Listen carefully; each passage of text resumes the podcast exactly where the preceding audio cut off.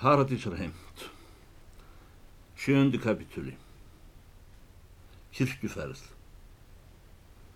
Í þessum kapitúla er sagt frá því er stein uh, úr steinarlýðum fer af þjóðháttíðinni miklu áleiðis heim til sín.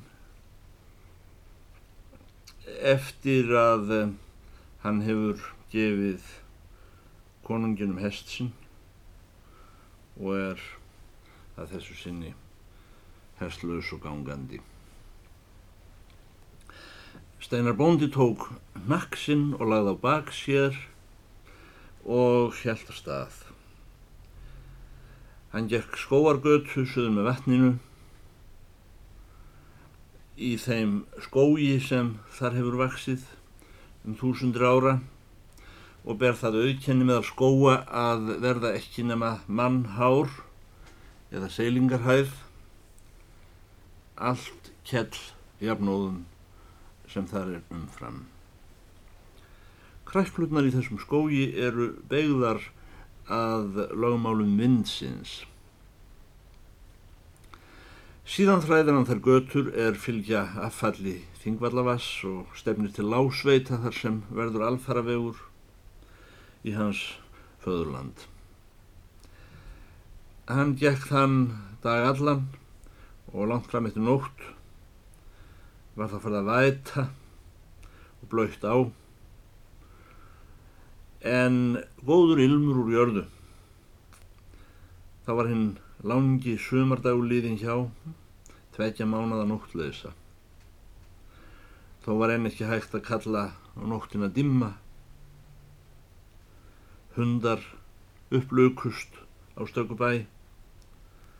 Hann kom á grundir þar sem hei var uppsætt, lagði nakkinn undir höfðu sér og breyti hann á sig hei úr sætinu og átt alveg sérstaklega bræðgóðan flatbröðs helming eh, sem reyndar var segur eins og söður hlýf. Það var uppgengið fyrir honum nestið. Hann fór með þessa vísu á hann að sopnaði. Sifjaður og votur var, vildi lengur flakka, aftók nakk og áði þar undir moldarbakka.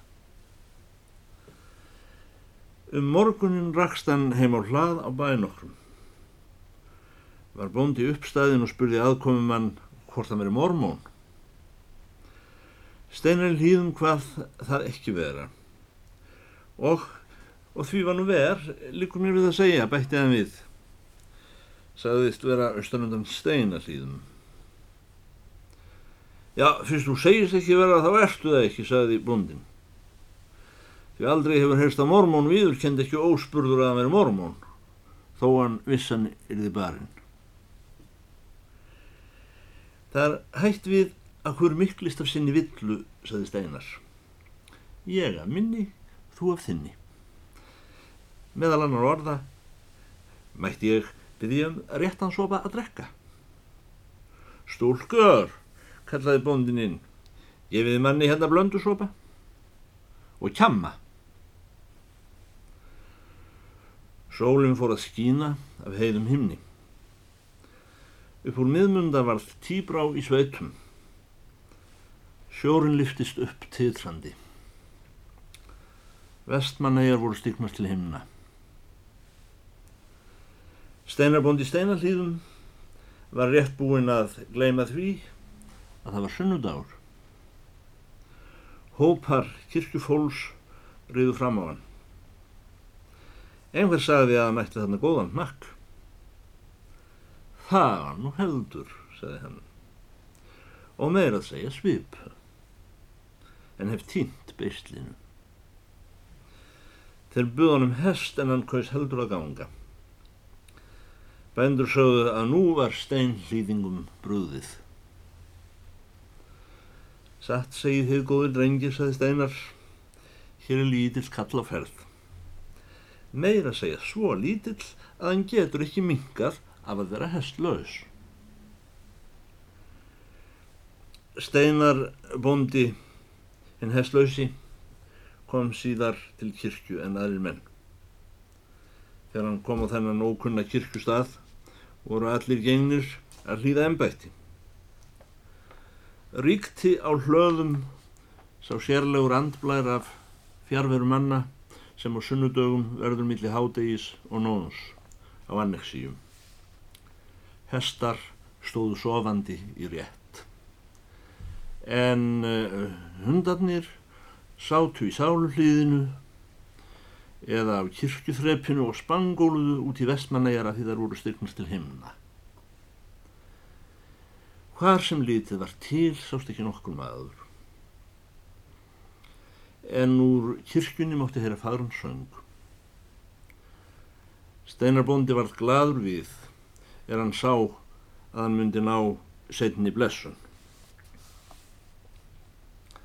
En sem hann gengur þar til Guðs hús, götunar frá bænum, sér hann hvar standa þrýr hestasteinar, fornir, upp úr túninu og ekki lengur hafið til gags. Annarkort hafi bærin verið fluttur eða kirkjan. Þegar honum verður lítið til steinanna, þá sér hann að allt mikið drimbinni er fest við miðsteinin. Hann fór að gá hvað þetta sé og uh, það er þá maður. Já, hérna, segir bóndin. Þessi maður var keflaður og bundin og reypið gert áfast við járnkengin í steinin. Steinn gekk til og virti fyrir sér ásik komulag mannsins. Er það sem ég sínist? Mormónin, saði hann. Maðurinn var berhauðaður og luppin á honum stóði allar áttir. Í dagspyrtu var maðurinn móruður í framann eins og eldiskinn. Andlítið var dálítið afmyndað vegna þess að þeirra höfðu keflaðan. Steinarbóndi í hlýðum tók sér þegar fyrir hendur að losa keflið úr munni þessa manns reyndist það vera völusteinn upp úr svaðinu. Maðurinn skirpti út úr sér nokkrum sinnum þegar hann var laus við steinin. Það var dálit til öður upp í honum, líka blætti ögnur gómnum. Menninir buðu hór öðrum, góðan dag. Þú hefur fengið skrollu í lægi, sagði Steinar í hlýðum og hjælt áfram að leysa mannin. Og sundum hefur hún verið verra, saði mormónin og fór hann í vasa sína eftir glerögnahúsunum sínum. Ég kalla happaðir bröð ekki glerögunum mín. Fyrir má nú vera meðferðin á ókunnugum manni, saði Steinar í hlýðum. Og þetta er að heita kristnir menn. Ég nokkuð moldúra ráði, spurði mormónin. Steinn bondi gerði vandlega upp reypið að hyrðum hann að síð og lagði það á miðsteinin. Síðan dustaði hann svo litið af mormóninum. Ég ætl ekki að segja margt, saði bóndin. Það myndi síst hækka mig þó ég fer að áfellast aðra menn. Hvenar hafa þeir kristnu hagað sér öðru vísi en sér svona, saði mormónin. Þeir byrjuði að falla í stóru villu strax upp úr frum kristni. Með leiði, hvað er hatturinn spurði bóndin. Hann er á góðum stað, sagði mormónin. En það er einkennilegt eins og ég er á góðum stífjölum að þið skuli aldrei fara með stífjölin mín. Þú ert vist óhrættur maður, sagði stærnarbóndi. En það betra að þeir sem verða fyrir órétti séu það. Mér er vest við stóra hunda, sagði mormónin. Ég var alltaf verið aldrei hundrættur. Það beit mig tík þegar ég var angi. Með leiði hvort ætlar þú? Ég ætla úr í vestmannegar. Vestmanneyingar sem áður voru mestir fantar á Íslandi skara nú fram úr öðrum mönnum. Það er eiga helgir menn af næstum dögum friðland. Náður því kongin, spurði Steinar. Hvað er þú að skipta þér að því? Hvað er þú? Steinar heiti ég og er Steinsson, undan Steinarlíðum. Ég er maðurinn sem var að leita sér að bæli á þingvöllum hér um kvöldið. Nú, kontur sætlaxi, sagði mormórnu kistibóndan. Mér fannst enda hálfpartin ég þekkti þið, þakkaði fyrir síðast. Nei, ég hitt ekki kongin, Íslandingar sá fyrir því. En uh, hann baði helsa mér og sagði Jósef Smiður veri frí í dana konus ríki. Færði ekki bækurnar aftur, sagði bóndin. Ekki úr Íslandingum, sagði mormónin. En uh, einn gullsnúraður danskur flutti málmitt við kongin sem er ærlegur þýskur maður. Hann kom aftur og sagði að ég geti fengið allar skruturnar tilbaka ef ég nefnt að sækja þetta kaupinhamnar. Svona eru þjóðverjar akkurat. Og ef Danir skildu hafa týnt þeim, let kongur skila ég mætti prenta eins mikið á bókum ég vildi í kaupinhöfn og fara með það til Íslands og gefa þær og selja að vild. Það hefur verið löglegs af Íslandingum að taka mér bækunar.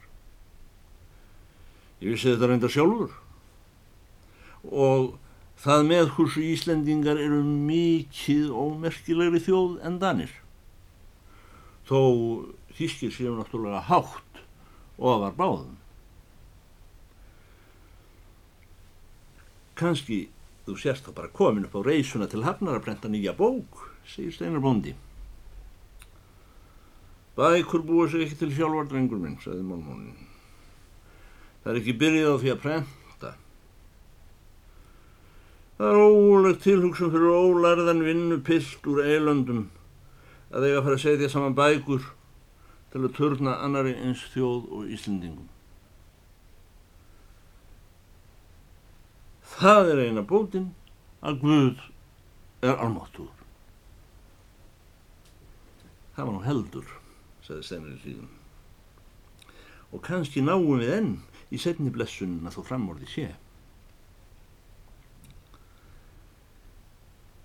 Ég hef búin að reyna að fara einu sinni í kirkju í dag og, og reyna ekki aftur, sagði mormónin.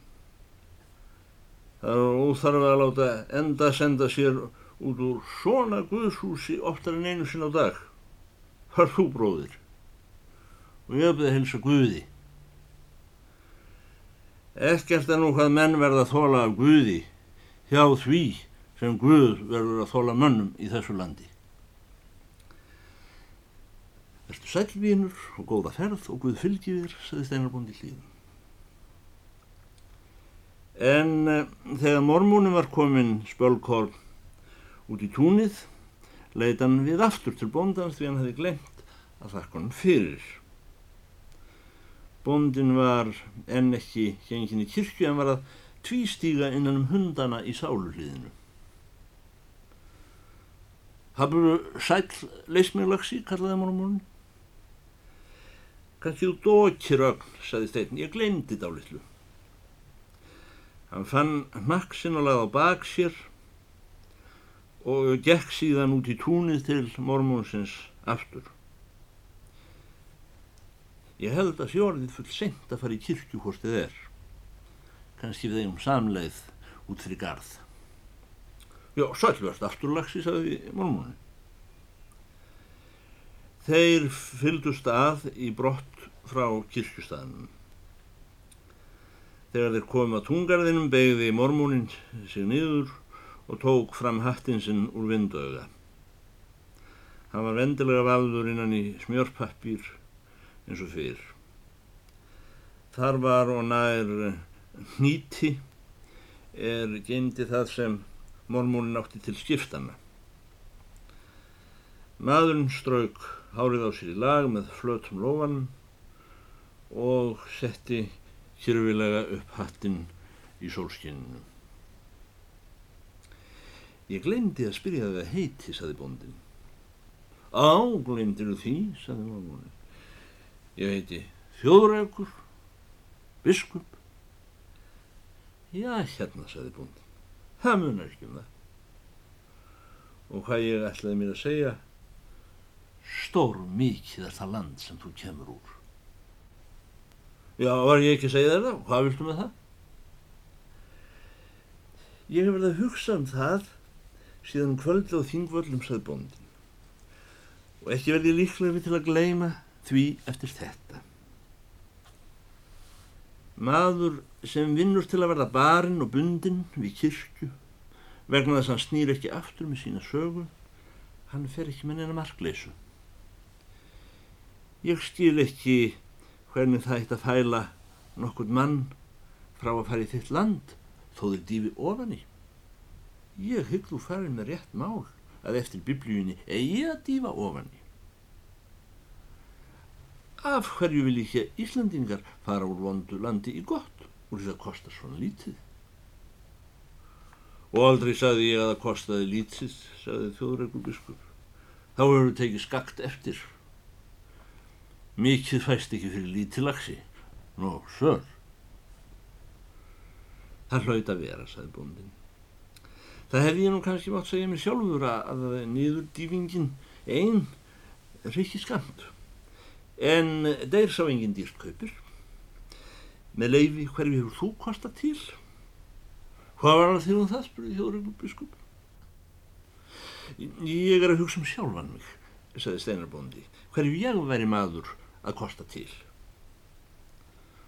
Það áttu úr sjálfan því, sagði þjóðrögnur. Ef við skildum koma tærum læk, þá get ég svo sem dýrt hér ofan í. Og hvað svo? segir bondin.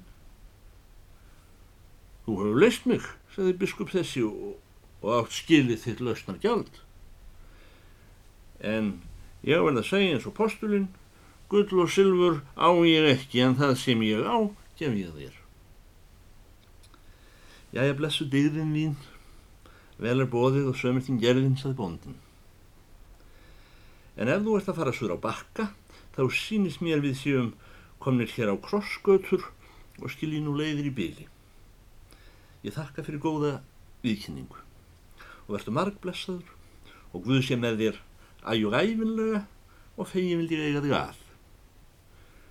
Ég kýs mér sam og allt eins lagsi, saði mormónin. Og fari svo góði minn að þú reykist austrundir steinallíðar, þá skul ekki verða settir á þú hundanir í hlýðum. Síðan eh, skildust bændur þessir og stendi annar austur en hinn suður hór sína þjóðgötu. En þegar steinsnar var orðið á millið þeirra þá spyrnir þjóðreikur biskup við fæti. Heyrðu lagsi kallan, hvað heitir þú?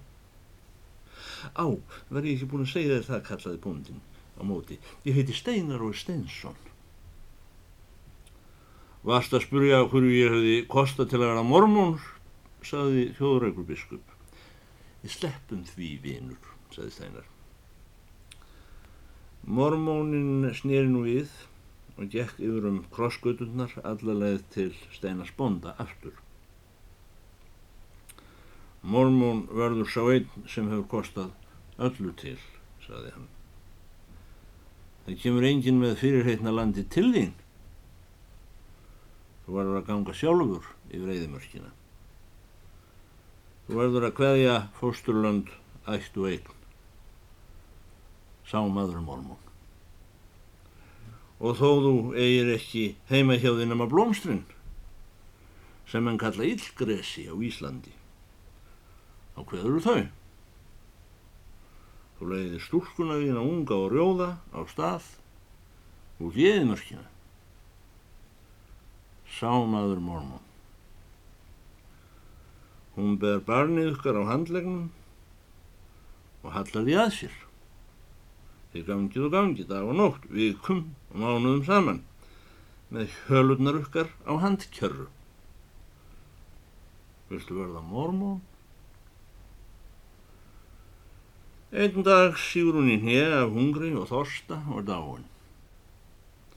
Þú tekur úr hangjanar hann er litlu dóttur ykkar sem lærði ekki að brosa og uh, hún horfir á þig spyrjandi í þessari eðimörk mormón en um, barni línar ekki að halla sér að rifja hilkinu í kallmanni Fáur sem faðin, enginn sem móðurlagsi. Nú gengur þú lengi einn yfir eðimörkina með telpuna þína á handlegnum. Ánga til eina nótt. Þú finnur að reyfingin er liðin úr þessum litlu beinum í frostinu. Sámaður, mormón. Þú uh, grefur hana með höndunum í sandin og setur henni kross úr tveim stráum sem hjúka burt um leið. Hann er mormón.